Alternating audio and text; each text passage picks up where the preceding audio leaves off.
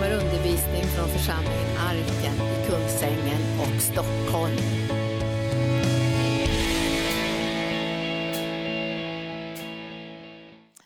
Ja, nu ska jag predika ikväll. Jag kommer inte hålla på så länge. Jag kommer inspirera er och sen ska vi ta förbön och betjäna er. Och ikväll så har vi så tänker jag så att vi ska eh, få våra ögon öppnade för gåvan.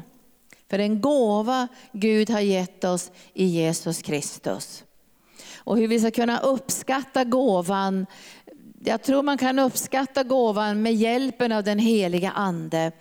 Om jag skulle ta mitt yngsta barnbarn nu som inte ens är ett år och så skulle jag, hade jag blivit mångmiljonär, vilket jag inte är, men nu hittar jag på att jag var mångmiljonär och så tänkte jag, jag ska köpa en fantastisk gåva till mitt barnbarn. Jag ska köpa den senaste modellen av Maserati det ska jag köpa en riktigt, riktigt häftig bil. Och han kommer att bli jätteglad. Och på julafton ska jag sätta nycklarna i handen på honom och säga, nu har du fått den finaste Maseratin, det är bara att gå ut nu och titta på den och, och köra. Problemet är att han kan inte gå än. Och han stoppar nycklarna i munnen. Och han vet inte alls vad han har fått för någonting, för han vill ha en liten träleksak som han kan leka med. Och om jag bär ut honom så uppskattar han inte alls den där bilen heller. Men om jag gav den till något 20-årigt barnbarn så skulle han väl hoppa i taket, men då får man ju hoppas att de har körkort. Men jag tror att, att eh, det här med att få en gåva och, och förstå gåvans värde hör ju också ihop med uppenbarelse och ljus. Och skulle vi förstå, bara vi som är här, eller om den här världen skulle förstå vad Gud har gjort i Jesus Kristus, så skulle ju människorna springa till Gud. Därför att i Jesus Kristus blir ju de här djupaste, djupaste problemen som vi har lösta. Alltså mänsklighetens problem. Och mänsklighetens djupaste problem handlar ju om, jag vill duga. Jag vill vara värdefull. Jag vill bli sedd, jag vill accepteras, jag vill, jag vill verkligen känna att jag värderas. Alltså människor längtar efter att värderas. De vill känna sig betydelsefulla. Och jag tror många gör det misstaget att de tror att bara man har snygga kläder blir man betydelsefull, Eller en hög utbildning blir man betydelsefull, att man har fina vänner blir man betydelsefull, att man har fina grejer blir man betydelsefull. Så man försöker förlänga någonting på insidan. Alltså många människor gör det i världen. Men när man möter världens människor som har förlängt sig gång på gång på gång med yttre saker, så kommer de att säga, tror jag de flesta i alla fall, som, som Salomo sa i, i Bibeln, det är ett jagande efter vind. Det är bara idel tomhet. Det ger inget bestående intryck på insidan. Man får bara fortsätta att jaga efter vind. Och har ni jagat efter vind så vet ni att det går inte att fånga det. Möjligen med segel om man ska segla. Men det går inte att fånga vinden på det sättet. Att man på det sättet kan få ett värde och känna identitet och trygghet på insidan. Det går inte. Och varenda sån här äh, hälsotidning och varenda sån här må bra-tidning och positiv psykologi och mindfulness och yoga. Allting handlar, om jag vill må bra. Jag vill känna mig värdefull, jag vill känna att jag har livsenergi, jag vill känna att jag har liksom essens på insidan. Och så jagar man efter vind. Och så är Jesus svaret. Och jag, jag, när jag tänker nu, jag satt och skrev här igår eller förrgår, så satt jag och skrev till världen idag min julkrönika. Och då tänkte jag så här, vi brukar ofta, jag och min dotter, prata om att någonting som vi hade väldigt närvarande i barndomen, de också. För vi hade väldigt lite pengar. Och jag växte upp efter kriget och det var väldigt, väldigt fattigt. Då hade man någonting som kallades för längtan. Och vi pratade om det där att det fanns mycket mera längtan för kanske 30, 40, 50 år sedan. Därför då gick ju posten jättelångsamt. Man skickade ett brev och sen fick man längta.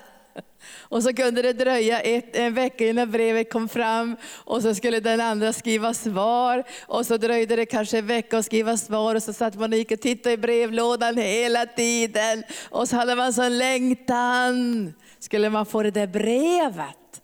Och samma var att få livstecken från människor. Kommer ni ihåg ni som levde på gamla Cobra-telefonens tid? När man var kär i någon så kunde man sitta där vid telefonen, man vågade knappt gå på toaletten. För man tänker, om jag nu bara lämnar rummet två minuter så ringer det. Ja, ni kanske inte var så tokiga, men jag vet sådana som har varit det. Men nu kan vi ha med oss telefoner hela tiden. Vi kan nå människor över hela världen med sms. Vi har våra, våra webboxar fulla. Min medarbetare, jag försökte få tag på en grej som hade försvunnit i arken. Och han sa så här, jag har letat bland nästan miljoner e-mail för att få tag på det där som vi hade skrivit. Alltså översvämmade med information. Om du råkar skriva på det någonstans i en affär, någonting så pumpar de ut i din telefon alla erbjudanden, eller hur? Och du kan svara på allting på sekunden och sen kan du skypa och sen kan du få kontakt över hela världen. Och allt går snabbare och snabbare och snabbare och snabbare. Men det ger ingen tillfredsställelse. Kommer ni ihåg när vi fick, ni kanske var med på den tiden också, när man fick jobba jättehårt för att få en pryl. Nu kan man köpa idag och betala i februari. Och sen får man vara med i tv-programmet Lyxfällan. För man har så fruktansvärt mycket skulder. För man har shoppat på, på avbetalning och man har köpt grejer. Men när jag var ung då fick vi jobba och lägga undan. Och så fick vi längta. Och jag tror att den här längtan skapade i mig mycket fantasi faktiskt. Och drömmar. För man hade liksom prylarna innan man hade fått dem. För man hade en sån längtan. Och jag kommer ihåg den där mockajackan som jag ville ha. Min syrra fick en mockajacka, jag grinade en hel helg för att få samma mockajacka. Och de hade ju inga pengar, vi var jättefattiga, jag var ju liten på den tiden. Men vet du, jag fick längta efter mockajackan, det tog jättelång tid innan jag fick den. Men jag hade den innan jag hade sett den. Är det tro kanske? Vi har det innan vi har sett. Men så tänkte jag så här när jag skrev min krönika, längtan efter julen verkar finnas kvar hos människor. För annars kan inte jag förklara att de börjar i oktober och pynta. Kan ni fatta det? Att folk börjar greja nästan i oktober med grejer. Och inte en enda bild på Jesus, inte en enda krubba. Utan det är jultomtar och det är julmat och det är julgranar och det är pumlor. Och det, nu ska varenda hus vara dekorerat med lampor med led. Lampor så det ska blinka så det är underbart. Och så kan du gå på Rusta överskottslaget och köpa massor. Och så kan du köpa tomteblått och så kan du eh, rusta för julen. Vet du hur många kommer att uppleva världens antiklimax? Vet du det? På julafton är man bara stinna ont i magen och gallproblem. Och ungarna bråkade vid granen för de fick inte julklapparna. Så nej, det skojar jag. Så behöver det inte vara. Va? Men det kan vara så därför att julen handlar ju om Jesu födelsedag. Och det går ju inte att fira födelsedag och födelsedagsbarnet är borta. Vi firade en av våra medarbetare idag. Det har varit jobbigt om hon var hemma. Men nu ska vi fira den här, men hon är hemma. Utan det är ju jättejobbigt. Alltså vi ska förbereda sedan oktober för en födelsedag och när väl födelsedagen kommer så är födelsedagsbarnet inte där. Det är väl klart att det blir tomhet utöver tomhet. Eller vad säger ni? Det måste ju bli tomhet. För det är inte alla din axeln klockan tre. Nu börjar julen, vi tar fram alla din asken. Och sen så tittar vi på, det var inte Pippi Långstrump, vad var det man tittade på? Man tittar på Kalle Anka ja. Och sen sitter vi och vräker i oss mat så vi blir förstörd. Och sen öppnar vi julklapparna och jag tror att nu för tiden har ungarna nästan allting. Alltså våra barnbarn att de har jättemycket grejer och de har lämnat in massor i second hand-affären. En jul gick jag och köpte i second hand-affären deras gamla julklappar. Så, så var det ett av barnbarnen som sa, men ha, är inte det där mina gamla leksaker? Jo, det var det. Men nu, nu ser jag upp, alltså. nu köper jag väldigt noggrann. Så att jag inte, men jag har köpt dem i second hand-affären. Jag har köpt julklapparna, jättefina grejer i second hand-affären. Bilar och grejer och dockor och hästar och allting. Så jag tycker det är jättekul att köpa second hand-affärer. Det går ju till, till barn i nöd över världen. De här barnbarnen ser ju ingen skillnad på om jag slår in det eller om det är inslaget i affären. Men kärleken finns där. Men jag tror att de flesta barn har nästan allting. Så man tänker, vad i all världen ska man köpa? Och går mormor och köper kläder så duger det ju inte heller. För jag går inte på, på de affärerna som de kanske går till. Utan jag köper något som jag tycker är snyggt och så får de försöka se glada ut på julafton. Åh, vilken fin sak! Och så råkar de glömma det hemma hos mig när de går hem på kvällen. Nej, så illa är det inte, de håller stilen. Men vem är det vi firar på jul? Jesus det är hans födelsedag. Vi välkomnar honom, han är i centrum, vi sjunger till honom, vi hyllar honom, vi ärar honom. Och jag minns en jul så sa ett av barnbarnen, vi säger aldrig jul hos oss, vi säger Jesu födelsedag. Så sa han så här, nu ska vi fira Jesu födelsedag, han kanske var fyra år. Och jag tycker den där Jesus är jättesnäll, sa han. För han fyller ju år nu, men han ger oss alla sina presenter. Och jag sa precis så här det sa till barnbarnet. Han fyller år nu, men han ger oss alla sina presenter. Och det är det som jag ska säga någonting om ikväll. Den mest fantastiska gåva som vi har fått, som Bibeln beskriver så här. Den, den beskriver gåvan och säger rättfärdighetsgåvan, eller rättfärdiggörelsegåvan. Rättfärdiggörelsegåvan. Det är den gåvan som du och jag får efter Jesu uppståndelse. Det det är allt det det handlar om. Det är rättfärdiggörelsegåvan. Det är den som alla människor längtar efter och söker efter och kämpar efter. Det är rättfärdiggörelsegåvan. Och det står att, att, att, Paulus, att Paulus hette ju Salus innan han hette Paulus. Så står det att han sökte sin egen rättfärdighet och inte rättfärdigheten ifrån Gud. Och han säger så här, om jag utifrån lagens sida han var ju en kämpare sedan han var ung, så säger han. Om det är utifrån lagens sida så var jag, säger han, på gränsen eller på väg eller vad han nu sa, att vara en rättfärdig man. Alltså han sa, jag klarade av det i egen kraft. Han vet ju någonstans att det var mest på utsidan, för han var stenhård. Han hade lagens stenhårdhet. Och han förföljde Guds församling, han uppfyllde alla buden, alla de här 600 buden. Och han liksom skulle sätta både män och kvinnor i fängelse som, som följde Jesus, eller som man kallade den vägen. Men han sökte sin egen rättfärdighet. Och egen rättfärdighet för till lagiskhet och lagiskhet är hårdhet. Och han var hård. Han var inte mjuk i sitt hjärta. Man kan inte vara mjuk när man möter Stefanus. Det står i Bibeln, han lyste som en ängel. Alltså hans ans, Stefanus ansikte var som en ängels ansikte. Jag har sett ibland sådana kristna som lyser. Då blir man, man får en vörda, man får en gudsfruktan. Men han blev bara argare. Så han liksom såg till att Stefanus blev stenad till döds. Och även om Stefanus reser sig upp och säger, jag ser Jesus stå på Faderns högra sida, så blev han ännu argare. Och, och, och så till sist så slog de ihjäl denna unga, fromma, andefyllda, härliga, härligt härliga unga man som hade de bästa åren framför sig. Då kan man tala om lagiskhet. Han var hård. Därför lagen handlar om straff. Och när man börjar bli lagisk, när man börjar känna själv att man blir lagisk, då blir man dömande och hård och aggressiv och man tappar empatin och man tappar kärleken. Man börjar bli lagisk. Och i lagiskheten tycker man, jag är duktig i egen kraft. Men det är inte så många människor som upplever det. De flesta har jantelagen och känner sig misslyckade, förkastade, ensamma, oälskade, osedda och värdelösa. Det, jag tycker att det är de flesta människors problem i den här världen. Och jag tror de som är lagiska kanske kämpar allra mest med dålig självkänsla. Vad tror ni?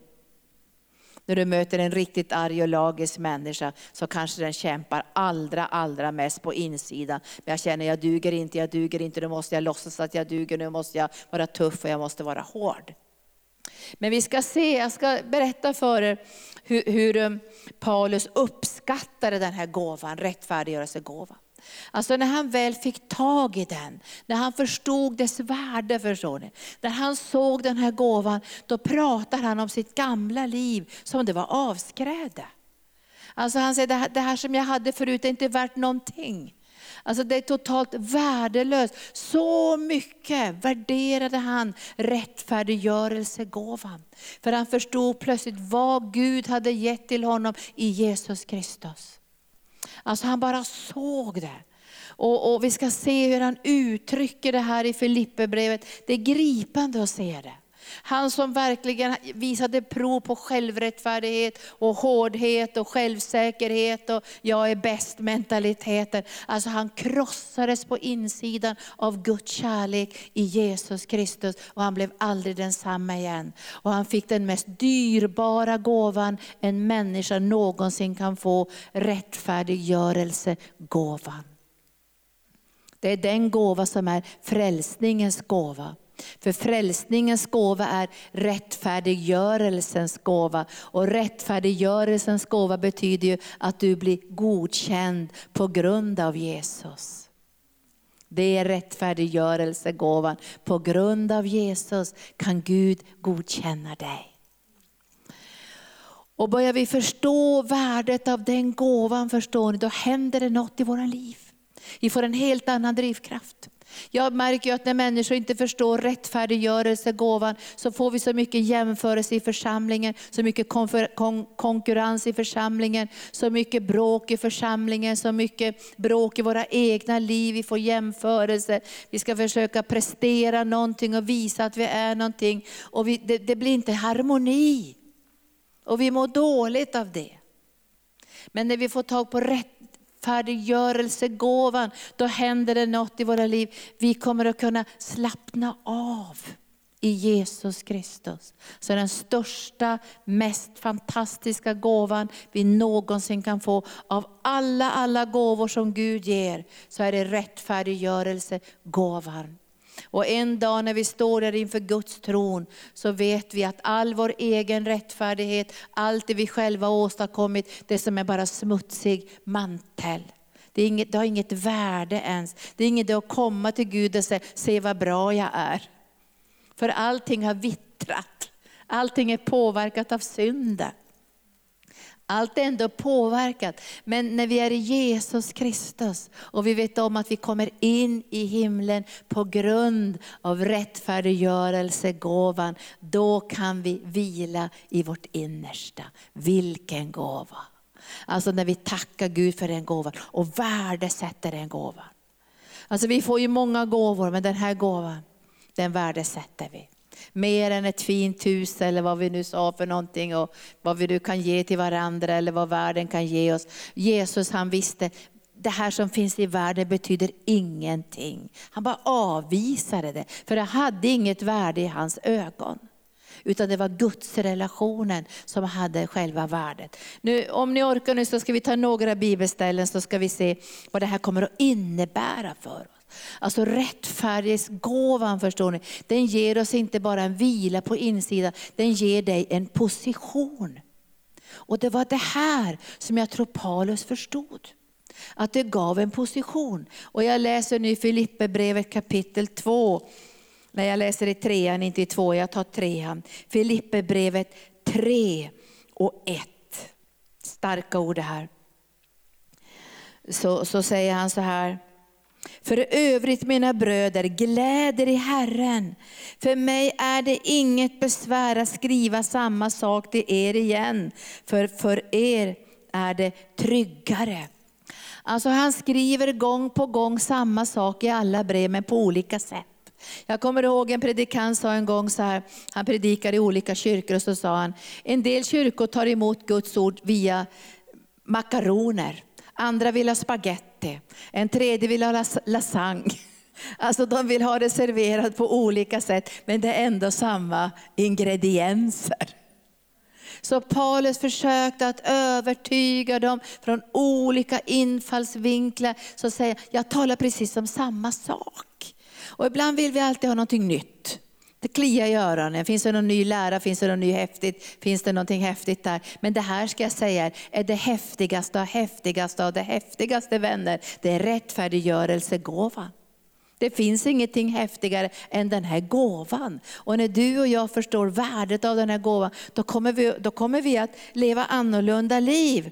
Och Paulus han säger här i den sjunde versen, men allt det som förr var en vinst, för mig räknar jag nu som en förlust för Kristi skull. Alltså det som var en vinst, det blev en förlust. Det är konstigt uttryckt. Det som han räknade som vinst, det blev förlust. Därför det tappade sitt värde. Det blev förlust. Det hade inte längre något värde. Han säger så här, ja, jag räknar allt som förlust. Allt som förlust. För jag har funnit det som är långt mer värt. Alltså nu börjar han att jämföra. Vad har han funnit? Någonting som är mycket, mycket mera värt. Och ibland är det så att eh, ibland värderar vi inte gåvor. Jag tycker många kristna tycker rättfärdiggörelsegåva, ja, ja, ja, ja, ja. Jag, tar lite, jag tycker att jag tar lite yoga istället och lite mindfulness och lite, lite annat här, lite positiv psykologi och lite annat. Ja, den här rättfärdiggörelsegåvan, den är inte så viktig. Men tänk om det var skatten i åken. Tänk om den var pärlan som köpmannen sålde allt för att få. Tänk om vi hade den dyrbaraste, dyrbaraste gåvan. Tänk om du trodde att du hade fått en liten trasig folkvagn och du brydde inte ens om att titta på det och så gick du och tittade så kanske det var Maserati. Ah, det var väl ingenting. Eller du säger, ja men det var väl inte så noga, det där var väl ingen speciell gåva. Tänk att Gud har gett den bästa av bästa av bästa gåvor som förvandlar hela ditt och mitt liv. Rättfärdiggörelse, gåvan. Och Paulus han, han säger, allt det här som jag har, det, det är bara förlust. För, kunsk- för jag har funnit det som är långt mer värt. Kunskapen om Jesus Kristus, min Herre. För hans skulle jag förlorat allt och jag räknar det som skräp. Nu drar han till, skräp. Han hade ju den bästa, eh, ska säga, eh, han har kommit från den finaste familjen. Han hade den bästa utbildningen. Han satt vid Gamalies fötter. Han hade en självrättfärdighet som andra bara eftertraktade. Och en drivkraft som många inte hade. Och han säger, det är bara förlust, det är bara skräp. Allt som jag har hållit på med tills nu är skräp. Alltså det ger perspektiv på en gåva som Gud har gett. Eller hur? Det är bara skräp. Allt det jag hade förut, är bara skräp mot det som jag har funnit i Jesus Kristus. Och så säger han så här, han säger, för hans skull har jag förlorat allt och jag räknar det som skräp för att vinna Kristus och bli funnen i honom. Inte med min egen rättfärdighet, den som kommer av lagen, utan med den som kommer genom tron på Kristus, rättfärdigheten från Gud genom tron. Nu har det kommit en ny rättfärdighet från Gud. Alltså Gud måste gripa in, för vi kan inte i egen kraft bli godkända inför Gud. Hur mycket vi än försöker, hur mycket vi än kämpar, så kommer vi alltid att misslyckas. Och Bibeln säger, den som har brutit ett enda bud i lagen har brutit allt så räknas det som brott för allt. Ingen kommer att stå inför Gud och säga, jag klarade det. Ingen. Det finns ingen människa på hela den här jorden, även en yogi, yogi en del Yogi som står ju i Indien. Vi, vi har läst om det och sett det också, att de kan vörda Krishna eller Shiva eller någon och så kan de stå på ett ben i 40 år. Eller så kan de lyfta, det var någon som hade lyft sin arm och hållit den upp tror jag, i fyra år för Krishna. För att ära Krishna. Och de kan disciplinera sig på ett sätt som vi bara inte kan ens fatta. Där de kan till och med påverka sin hjärtrytm och sin blodtryck. Där de kan liksom komma ner i dvala på grund av självdisciplin. Men ingenting som de gör skulle kunna öppna dörren till himlen, därför att de är inte stämplade i pannan och i hjärtat med Guds gudomliga godkänd godkänd. Om du såg att du var stämplad med himmelens stämpel i din panna och ditt hjärta och det stod godkänd, då skulle du slappna av. Och du skulle sluta försöka bli godkänd. Jag är redan godkänd, jag är redan accepterad. Och du skulle kunna handskas med denna rättfärdiggörelsegåva på rätt sätt. Inte bara slappna av och säga, ja jag är godkänd av Gud, då kan jag leva lite hur som helst. Jag är ju ändå godkänd av Gud genom Jesus Kristus. Då spelar det väl ingen roll vad jag gör eller hur jag lever. Visst gör det väl det? För den här gåvan som Paulus fick gav honom en helt ny drivkraft. Nu ska jag läsa den här drivkraften. Då säger han i tionde versen, då får jag lära känna Kristus och kraften i hans uppståndelse. Ja men det var det som han ville ha. För i rättfärdiggörelsegåvan får han lära känna Kristus och kraften i hans uppståndelse. Därför att det är bara i rättfärdiggörelsegåvan som du och jag kan lära känna Gud genom Jesus Kristus. Vi kan inte lära känna honom på något annat sätt. Han uppenbarar sig inte på någon annan plats än i sin egen rättfärdiggörelse av oss. Där uppenbarar han sig och då får vi del i kraften av hans uppståndelse. Och jag ska visa det sen från Romarbrevet 5, att när vi har fått den här rättfärdiggörelsegåvan, då kan vi regera i liv regera i liv. Det går inte att regera i liv utifrån en annan position än att du är godkänd av Gud. Det går inte att regera i liv. Utan du måste veta att du är godkänd av Gud. Då får du genom Guds uppståndelsekraft en position tillsammans med Jesus där du kan börja regera i liv. Det betyder att du kommer att kunna ta auktoritet. Ta auktoritet. Därför att du är godkänd av Gud. Och djävulen skulle aldrig kunna säga, vad har du för rätt? Ni vet ju att han anklagar oss. Vad har du för rätt att bli frisk och hel och upprätta? Vad har du för rätt att tjäna Gud? Och så kommer han att peka på alla dina tillkortakommanden. Och jag kan lova er att när ljuset kommer från mörkrets sida, då syns alla brister. Eller hur? Och då kommer man inte undan. Men då måste du veta att det står i Kolosserbrevet att hela vårt skuldebrev är fastnaglat på korset. Och längst ner står det betalt. Så att när du är i Jesus Kristus och i denna rättfärdiggörelsegåva, då syns inte dina brister. Därför att han, Jesus Kristus, är din helgelse. Du, när du är i Jesus Kristus så syns du helt avskild för Gud. Vilken gåva. Alltså det är en sån fantastisk gåva som man tänker, är det, för, är det sant det här? Att när det är Jesus Kristus och Gud tittar på mig, är jag, är jag fullständigt helgad på grund av Jesus. Alltså Gud är helt nöjd med dig när han ser på dig på grund av att han har gett dig rättfärdiggörelsegåvan på grund av Jesus. Han tar inte tillbaka den stup i kvarten, du tar tillbaka den idag. Men nu har du varit dum, då tar jag bort gåvan. Utan du har fått den här gåvan och Jesus behöver inte den gåvan heller, för han är ju redan rättfärdiggjord. Så Jesus är ju redan rättfärdig, han har ju aldrig syndat. Men när han dog på korset var det för din skull, för att du skulle få gåvan. Han behöver inte gåvan. Han är ju redan redo, helig, avskild och helgad och han har aldrig syndat. Så, så, att han säger inte så här, nu behöver jag gåvan Linda, nu tar jag tillbaka gåvan idag. För nu behöver jag den. Utan han behöver inte den, men du behöver den och jag behöver den.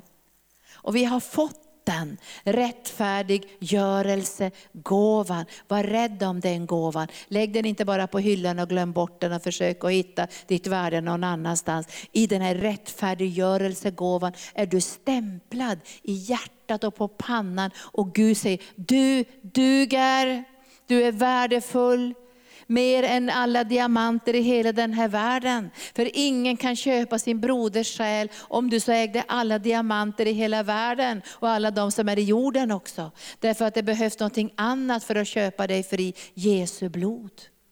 Jesu blod har köpt dig fri och genom det blodet så har Gud godkänt dig, tagit dig till sig, gett dig det djupaste av värde, accepterande. Och han talar genom den gåvan hur dyrbar och älskad du är. Därför att i den här gåvan får du lära känna det dyrbaraste som Gud har och det är Jesus Kristus.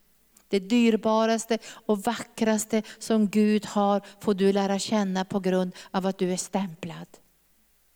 Jag kan inte gå och besöka kungen när som helst i Stockholm. Jag tror inte jag kommer in överhuvudtaget. Jag, jag kommer från Arken. Jag har Jonny med mig. Vi vill träffa kungen.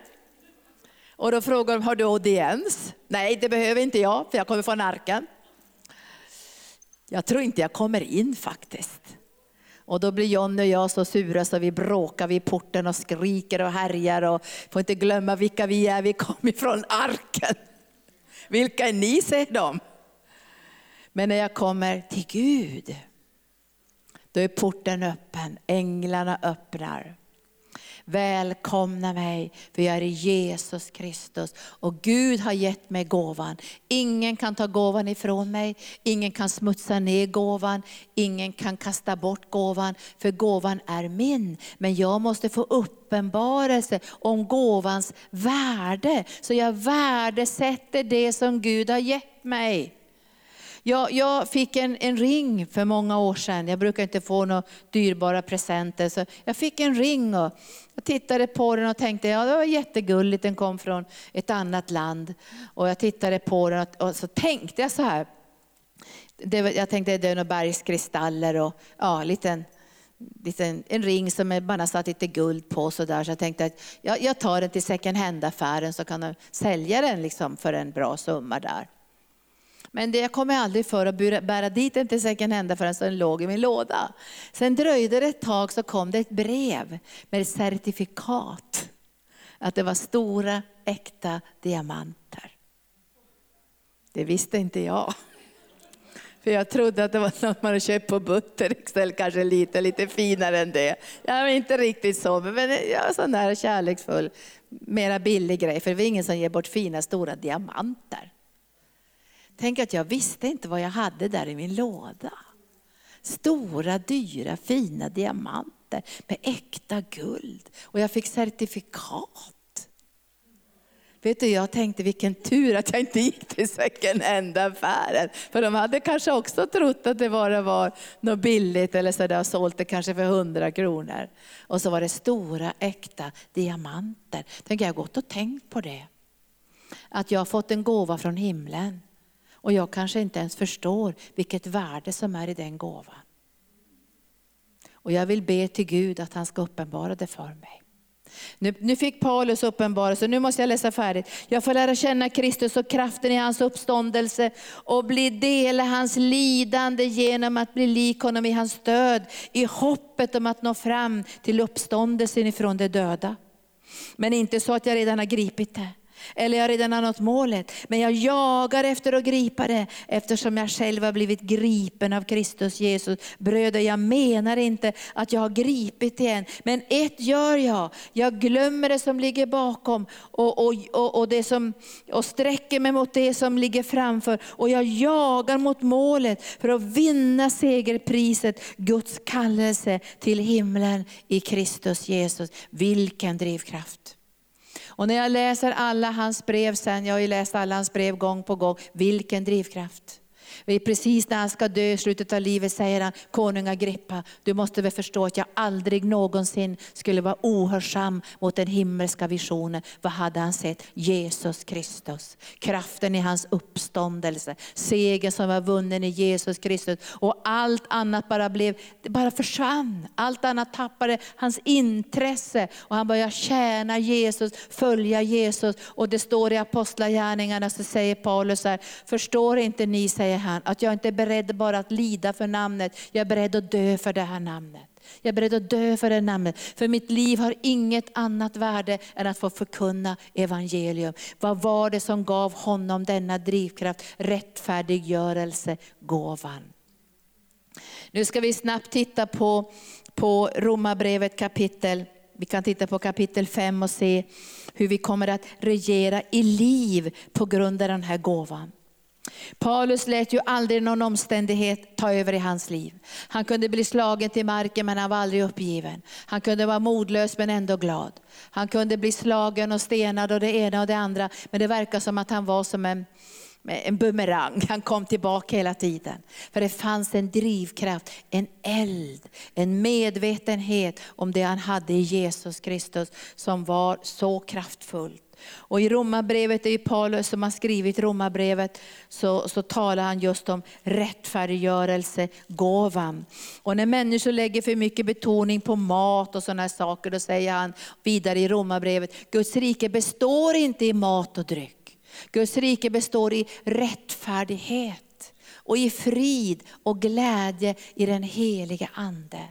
Guds rike består i rättfärdighet och utifrån rättfärdigheten får vi frid och vi får glädje i den heliga Ande. Och jag vet att om vi inte förstår rättfärdighet så tappar vi glädjen. Vet ni det? Har ni tappat glädjen någon gång? Alltså man tappar bara glädjen. Och man kan bara vakna imorgon och känna, jag har inte lust med det här längre. Och du, varför ska jag göra det här och bara tappa lusten? Alla andra gör ju andra saker. Varför ska jag göra det här? Och tappar du bara lusten? tappar glädjen. Och, och, och sen tappar du, tappar du liksom friden. Alltså du blir bara orolig och rastlös och osäker på ditt värde och söker efter världens Guds guld och glans och godkännande. Du, du behöver inte söka Nobelpriset i den här världen. Det kommer en dag på en Nobelfest, jag sa det i söndags, där du kommer vara med. Vilken tid, eller vad säger ni? Du som har tagit emot rättfärdiggörelsegåvan. Och då kommer du att regera tillsammans med Jesus i den eviga världen och vi övar oss här. Vi kommer att regera med honom, vi kommer att döma änglar vet ni. Vi kommer att döma änglar. Vi kommer att regera över städer. Gud säger att den som har kanske försakat mycket och lagt ner sitt liv och tjänat i trofasthet, han kommer att få regera över städer. Alltså Gud kommer att ge dig en position på grund av rättfärdiggörelsegåvan. Du är godkänd av Gud i hans ögon utan brist, utan någonting. För han har blivit din helgelse. Han har blivit din förlossning. Så att ingen ska kunna berömma sig av någonting annat än av Jesus. Och jag älskar när människor berömmer sig av Jesus. Jag kommer ihåg för många år sedan så blev Gunnar och jag ganska bedrövade. Vi var ganska nya i vår tjänst. Då. Vi hade inga direkta anställda, kanske fyra, fem stycken. Och vi hade inte gjort några jättestora grejer för Gud och så. Och så skulle vi möta en massa världsledare i Amerika. Det var någon, vi var inbjudna med en massa världsledare. Och jag, jag kommer så väl ihåg hur bedrövade vi blev på något sätt. För alla skulle liksom skryta. Så när man pratade med varandra så var det, how many children home do you have? How many staff members do you have? How many of this or how many of that? Till sist började man nästan ljuga. Man hade fyra, five. Där man säger, nu får jag lägga av. Jag har inte mitt värde i hur många grejer vi har. Och jag kommer så väl ihåg att vi, vi längtar efter andra samtal. Vad har Jesus gjort i ditt liv? Hur verkar han i ditt liv? Hur ser hans kärleksförklaring ut till dig? Hur, hur har du gensvar på insidan? Här, att man börjar någonstans där, så öppnar det inte bara upp för jämförelse och avundsjuka. Och jag kommer ihåg det var en sån där träff där alla var välklädda och snygga och otroligt vad snygga kläder de hade. Alltså de var, ju, på den tiden hade det varit lite halvskabbigt. Så jag, jag, jag, tyckte som att jag hade inga fina kläder. Och så där. Det var ett jättestort eh, hotell och det var supersnyggt. Liksom. Och jag kommer så väl ihåg hur jobbigt det blev på ett av de där grejerna. För jag gick på toaletten. Och så kom jag tillbaka för att vara fullt med folk och jag gick in på det där. Man kom att det var en röd lång matta, röd matta där. Och jag gick där och alla tittade på mig. Och då såg jag att det hade 25 meter toalettpapper under foten. Så, så långt var det inte. men Det kändes som det var 25 meter toalettpapper under foten. jobbigt va? Det var jobbigt. Men i den där gruppen så såg vi en man som vi tittade på. Han hade en skjorta som var så sliten i kanten så den hade fransat. Och då sa Gunnar och jag, det där ska vara intressant att veta vem han är. Med fransar i skjortan. Så, som det såg ut som inte hade köpt en skjorta på tio år. Så vi vart ju intresserade. Så vi frågade inte, how many children home do you have, how many staff members? Jag tänkte han har säkert inga staff members alls, för hans skjorta var ju så sliten. Och, och då, satt, då var vi på restaurang och så började vi prata med honom. Det här är 1900, ja, kanske 82. Och då började han berätta att han har varit i Uganda, han var affärsman. Och, och, det här var länge sedan han var affärsman, det var en äldre man där. Och så sa han, när jag stod i Uganda så hände det något i mitt hjärta. Jag såg ett lidande barn som höll på att dö. Och sedan dess blev hela mitt liv förvandlat och jag började satsa allt som jag hade i Guds rike. Då blev vi intresserade. Vi har kopplat ihop med dem ända sedan 1982 och tjänat i Uganda, Filippinerna, på soptipparna. Nu dog han häromdagen, väldigt gammal. Men jag kommer ihåg än idag där han sa, jag såg ett döende barn och från den dagen la jag ner hela mitt liv för att tjäna Herren på det här sättet. Det imponerade oss. Och jag kände halleluja, han kommer att få många staff, han kommer att få många children home, han kommer att få mycket pengar. Men det var någonting som rörde mitt hjärta på djupet. När vi möter varandra och vi berättar hur mycket vi älskar Jesus, hur vi uppskattar honom, hur, vi, hur rättfärdighetsgåvan har förvandlat våra liv. Jag tror att då rörs människor på insidan. För att det är inte alla som ska ha liksom det här som syns på ytan. Utan det ska vara det inre livets bärkraft. För det som syns på ytan kan bara försvinna efter en tag. Om det blir krig här i Sverige som i Syrien, då kanske det huset inte längre finns. Och blir det jordbävning i, i Nepal så finns inte vårt barnhem kvar heller. Men det vi har gjort för Jesus finns kvar. Det bevaras i ditt hjärta. Och vid uppståndelsens morgon så kommer en belöningsdag.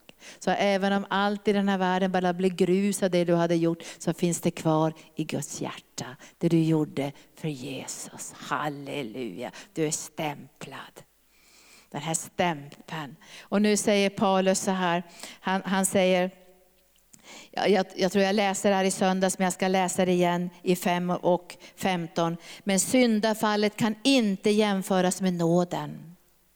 För om de många dog genom en endas fall, så har Guds nåd och gåva så mycket mer överflödat till de många genom en enda människas nåd, Jesu Kristi nåd. Rättfärdiggörelsegåvan handlar om nåd. Rättfärdiggörelsegåvan är nåd, det betyder det är gratis från Guds sida. Alltså det kostar ingenting.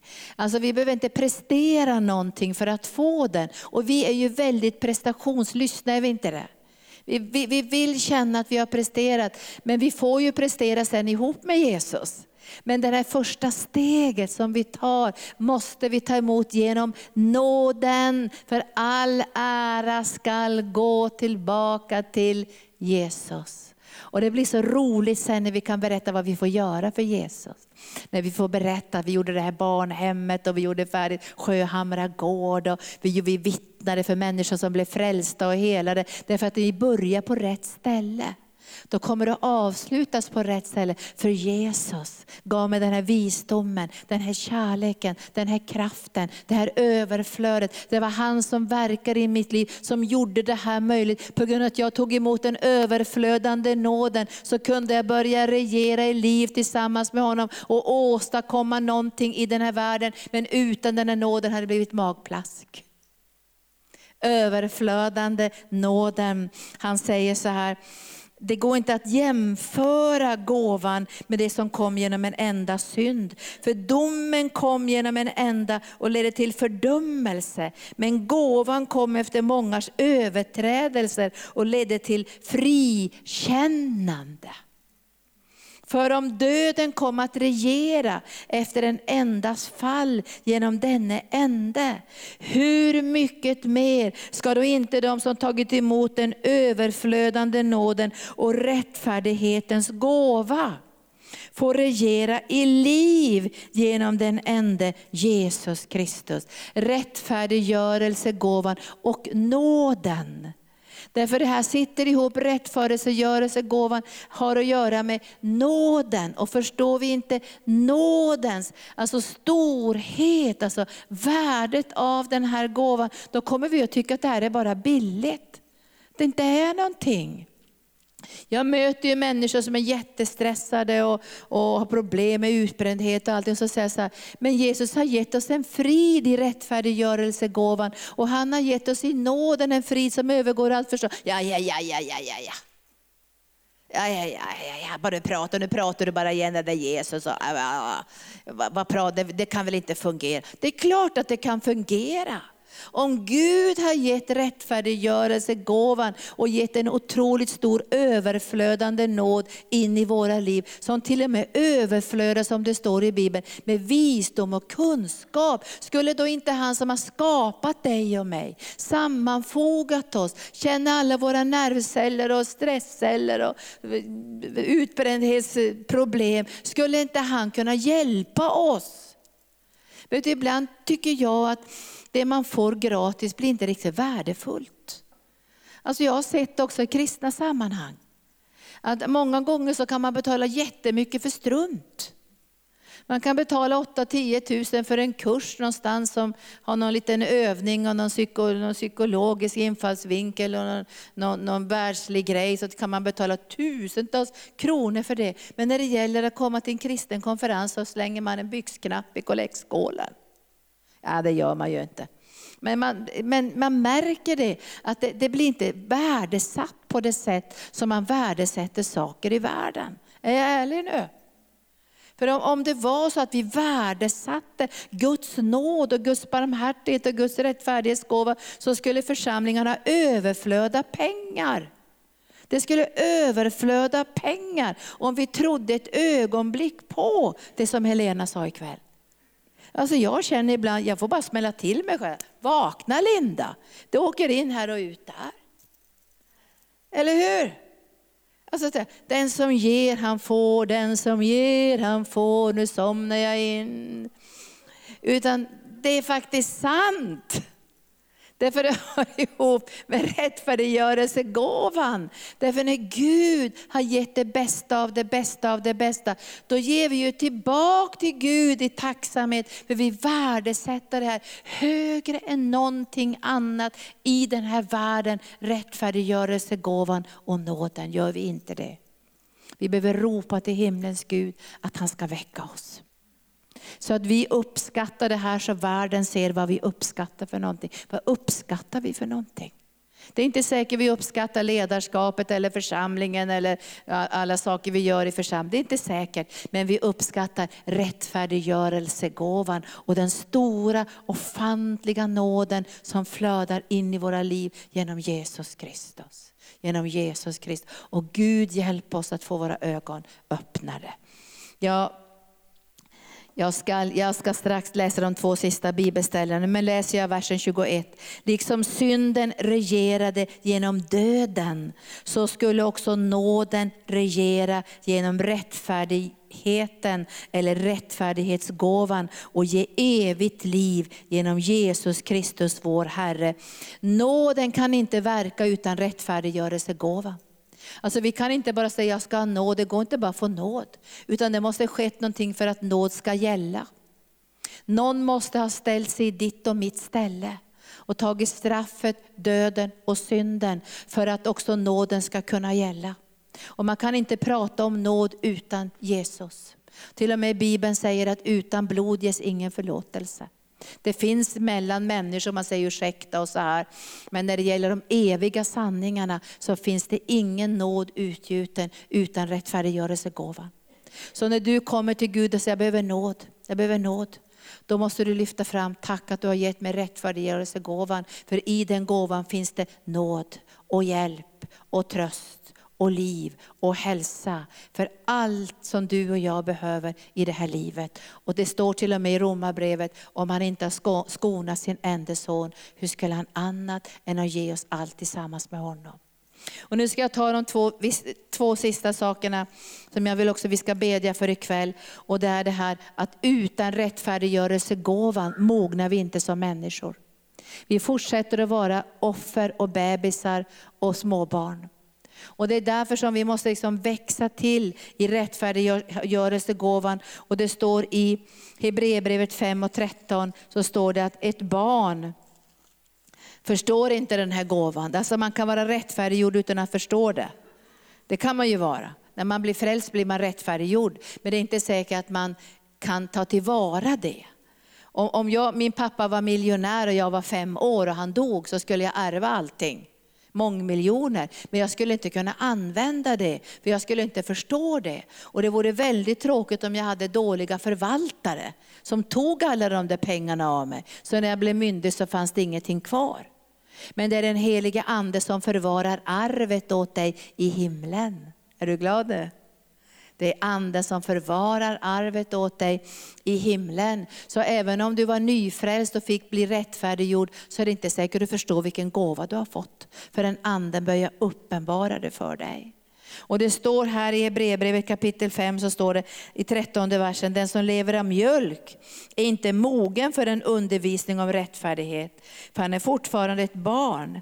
Den fasta födan är för vuxna, för de som genom övning har fått sina sinnen skärpta till att skilja mellan gott och ont.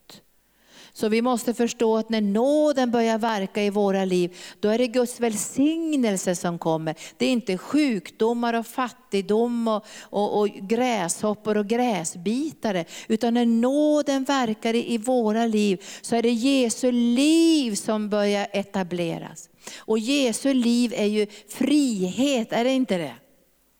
Frihet från fördömelse, förkastelse och ensamhet. När Jesu liv börjar etableras så börjar läkedom etableras i ditt och mitt liv. Vi blir starkare i våra kroppar, vi får lättare att ta emot hälsa och den psykiska ohälsan viker. För psykisk hälsa, det är för att nåden flödar med liv in, in i våra liv. Och det förstår man inte som nyfrälst.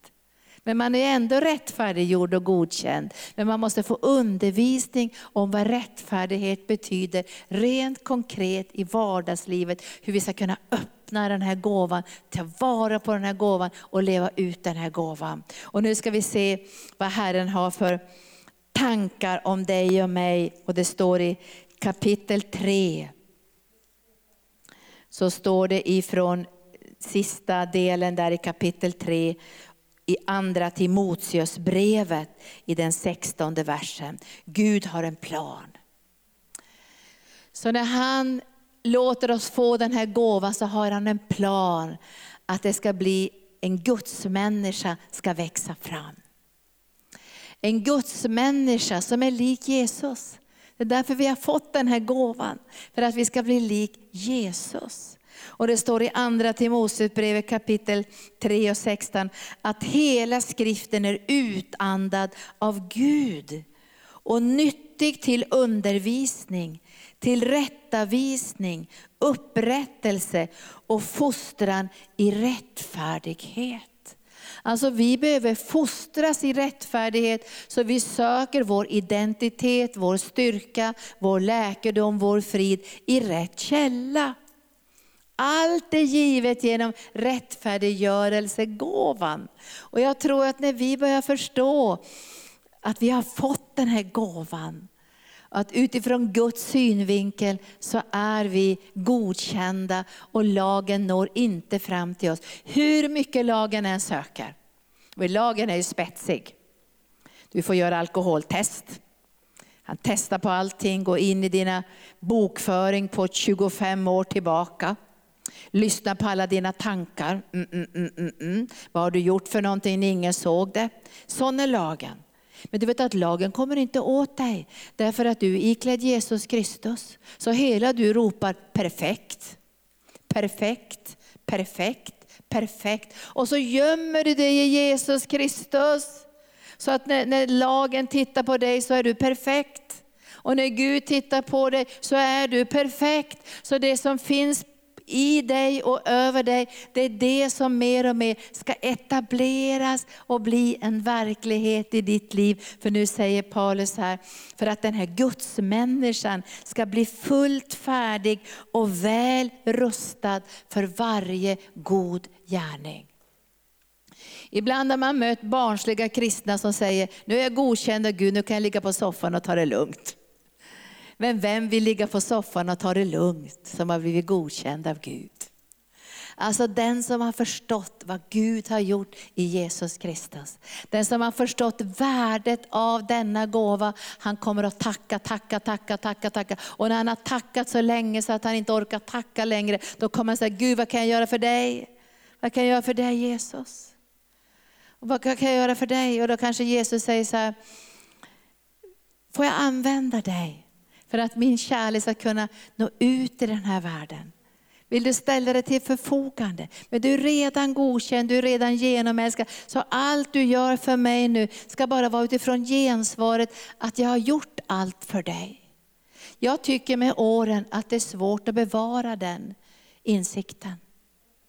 Därför det tränger sig på många andra känslor och, och tankar och värderingar som kommer från både från människor, från världen och från djävulen. Och, och man kan känna att man får kämpa med olika saker, men man måste tillbaka till den här viloplatsen. Jag har fått rättfärdiggörelsens dyrbaraste gåva och i den gåvan flödar nåden som aldrig någonsin kommer att ta slut. Skulle inte det föra dig och mig till en inre vila? Där vi inte ska behöva kämpa och tänka jag måste försöka öppna dörren, kanske Gud tycker om mig idag, tänk om jag blir bättre idag, tänk om jag är snällare idag. Vet du, man blir så stressad så att man går sönder. Och så måste man göra allt möjligt för att hålla sig på toppen. Och ikväll ska du känna, jag är redan på toppen. I Guds ögon är jag redan på toppen. Och på toppen kommer jag att förbli på grund av Jesus Kristus. Och sen kommer du att få regera. Regera. Och det här blir ett sätt att leva faktiskt som är på ett annat sätt än att man ska försöka åstadkomma saker. Man har redan fått en position som gör att man kan ta itu med saker på ett helt annat sätt. Därför utifrån den kraft man har fått i den heliga ande så kan man ta itu med saker. Det, det, det, blir, det blir lättare att få ordning också på livet tillsammans med Jesus. Därför att man är redan godkänd och älskad. Jag brukar, Gunnar säger, sa en gång så här, är man nog nervös kan man inte ens göra det som är det bra på. Visst är det så? Kommer ni ihåg tonårsåren? Man trodde alla tittade på en. Ingen tittade, alla tittade på sig själv, men man trodde alla tittar på en och bedömer en. Och sen skulle man gå över ett dansgolv ensam, då höll man på att snava på sina egna ben. Man kunde inte gå någon längre. Därför man klarade inte ens av det man borde klara av, därför man var för nervös att andra skulle inte tycka om en. Du kommer att klara allt som Gud har bestämt att du ska genomföra i den här världen. Och han värderar inte det och säger, det som du gör, det har väl inget värde. Det som du gör på grund av att Jesus manar i ditt hjärta har samma värde. Oavsett om det syns mycket eller syns lite. Därför att det är det du gör för Jesus som kommer att avgöra en betydelse i evigheten. När du får säga Jesus, det här gjorde jag för att jag älskar dig. Jag värdesatte den här gåvan, rättfärdiggörelsegåvan. Den dyrbaraste av dyrbaraste av dyrbara gåvor. Och nu helige Ande ber vi dig att du ska hjälpa oss att värdesätta den här gåvan. Att vi inte bara ska lägga undan den och tänka, ja det är väl inget speciellt med den här gåvan.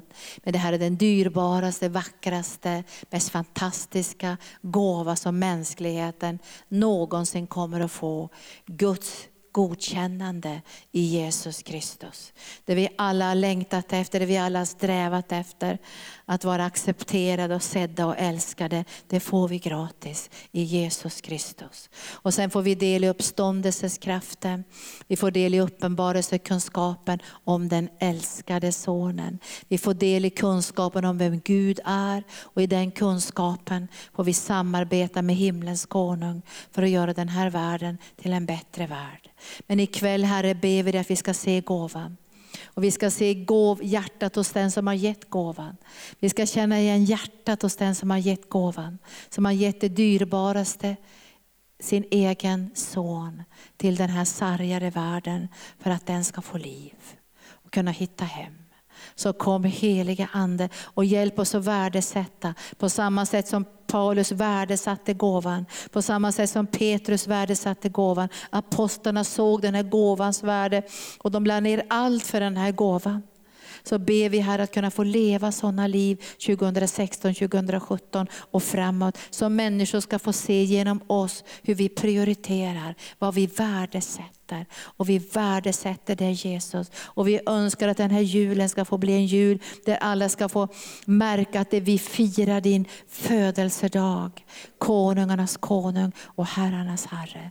Det är dig som vi vill ge äran. Det är dig som vi vill upphöja. Och vi ber att ditt ord inte ska gå in i ena örat och ut i det andra. Att vi ska värdesätta det som finns i världen mer än det som finns i ditt rike. Och vi ber att du öppna våra ögon mer och mer för den här kvällen. Så vi kan se tillsammans med den helige Ande den här gåvans värde. Vi ska se den här gåvans värde.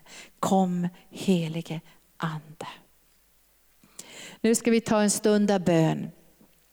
Och jag känner själv att eh, jag vill be det här tillsammans med er och tillsammans med mig själv också, att vi ska få våra ögon öppnade för att se den här gåvans värde.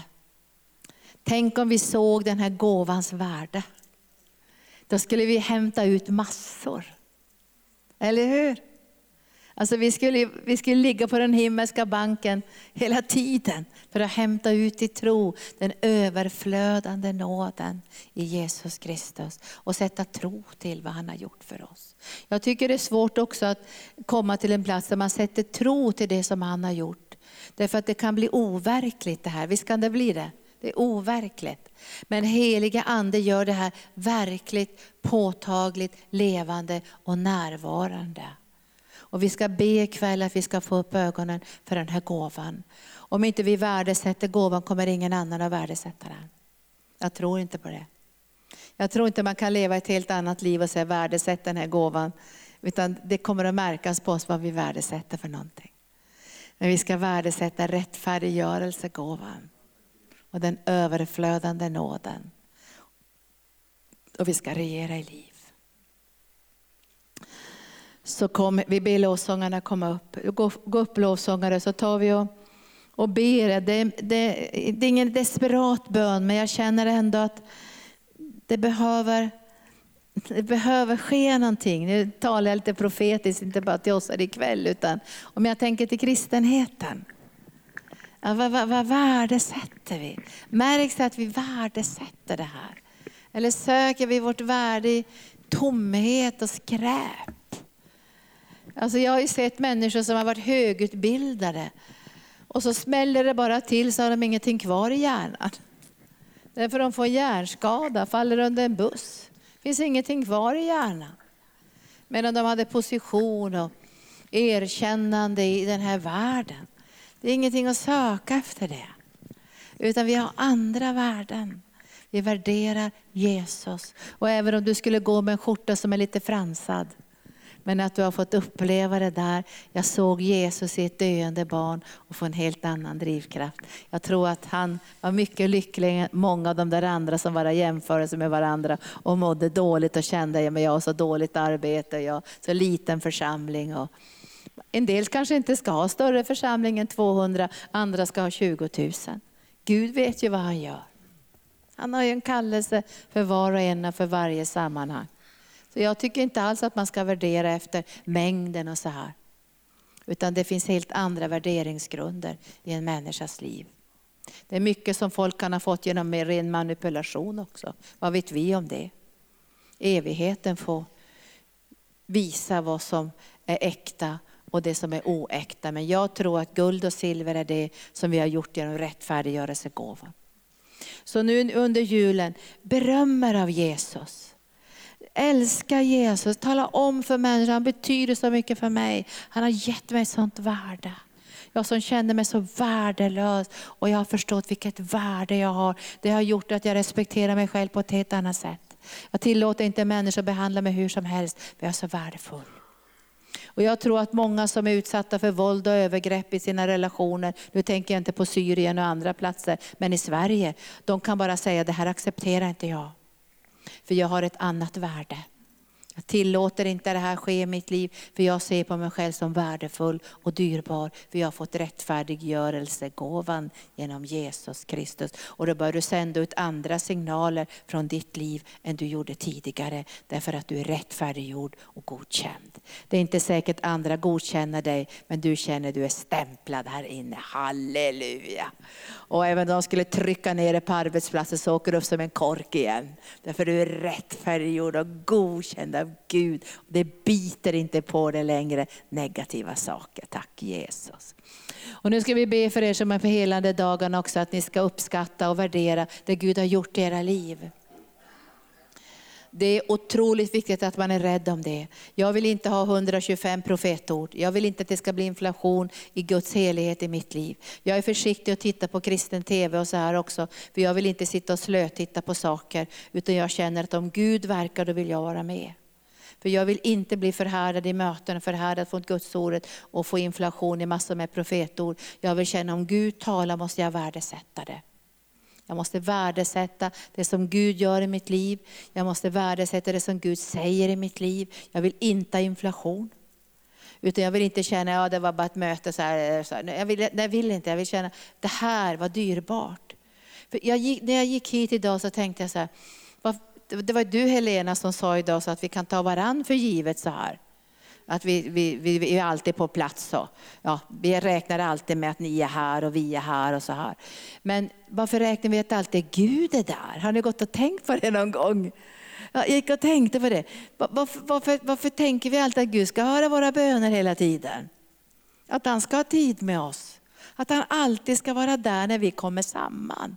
Har ni tänkt på det någon gång? Vi tar bara för givet att var än vi är och vänder oss till Gud och hör han oss och han bryr sig om oss och han älskar oss och även om vi har varit dumma så är han ändå där. Ja men för att det är Gud. Och därför ska vi värdesätta det han gör i våra liv. Och har ni fått ett profetord nu så värdesätt det. Har, har ni fått så ni har känt i bönerummet att Gud verkade, han gjorde någonting. Värdesätt det, håll fast det som guld och silver. Därför att det som djävulen vill ta från era liv, det är inte de här världsliga sakerna. Han vill ta det som är fött av Gud. Därför att det är bara det som är fött av Gud som ni kan regera tillsammans med Gud med. Och Paulus säger till den unga Timoteus, regera i kraft av profetorden som du har fått. Strid med de orden. Övervinn med de orden, för det är kraft i de orden.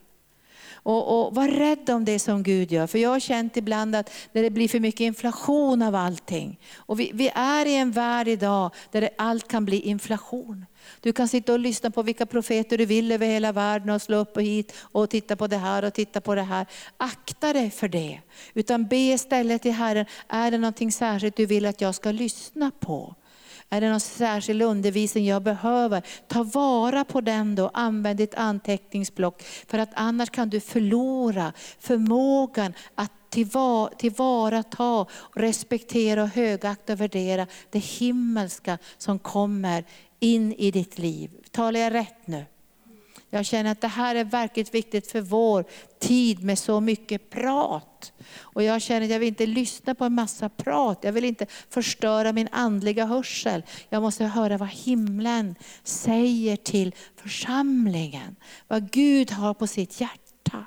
Och jag hörde idag, jag hoppas du har känt att jag har gett ett ord från himlen. Var rädd om rättfärdiggörelsens dyrbara gåva. Det är dyrbart. Allt det andra som du har fått i din värld, Ut, utbildning, hus och hem eller vad du nu har, bilar eller cyklar. Allt är bara skräp. Jag lovar, det är bara skräp. Det kan bara brinna upp. Det bara försvinner. Men det som Gud har gett är av evighetsvärde. Och det står allt kommer att skaka. Men det som Gud har gett kommer aldrig någonsin att bäva och skaka. Var rädd om det. Tack Jesus. Ska vi lösa smörjelsen, vi har flera förebedjare här. Och vi bara löser smörjelsen, du ska få dina ögon öppnade. Jag har ju fått en diamantring och jag trodde det var från Buttericks. Och fick upp mina ögon, certifikatet i permen. Halleluja, tänk att någon gav mig någonting så vackert. Det hade jag aldrig fått, jag hade aldrig tänkt på det, jag hade aldrig erfarit det. Och så var det någon som älskade. Så den gav mig en ring med stora diamanter. Och då tänker jag, det är underbara världsligt det också. Men tänk att Gud har gett det bästa av det bästa, av det bästa, av det bästa. Tack Jesus. Så nu ber vi dig heliga Ande att du öppnar våra ögon ikväll. För rättfärdiggörelsens dyrbara gåva. Som där Jesus fick betala allt för att vi skulle få den. Det gick inte med guld och silver. Det gick inte med någonting som han ens gjorde. Han var tvungen att bära sitt eget blod in i det allra heligaste för att få tag på den gåvan. Och han säger till Maria, Maria rör inte vi med än. Vi har inte gått upp till Fadern. Han skulle gå upp till Fadern med blodet och Fadern skulle säga, nu kan du ge mänskligheten rättfärdiggörelsens dyrbara gåva. För priset är betalt. Så kom nu heliga Ande och öppna våra ögon och hjälp oss att bevara det gudomliga i vårt hjärta. Profetiska ord som du har gett oss, uppenbarelse och sanningar. Så vi värderar det som är lagt i våra liv, så vi inte slarvar bort det. Så vi inte tappar bort det efter vägen. Så vi står fattiga en dag och har glömt bort allt det goda som Gud la ner i våra liv. Så kom och hjälp oss heliga Ande att uppskatta, värdera det himmelska, mer än det jordiska. Hjälp oss att gå i Paulus fotspår och värdera det himmelska mer än allt det här andra som fanns för honom i den här världen. Kanske vi inte säger att allt var avskräde, men vi skulle önska att vi fick det perspektivet, att vi kunde se att allt som världen kan erbjuda är avskräde i jämförelse med den himmelska kallelsen, den himmelska visionen och det himmelska uppdraget. Kom helige Ande.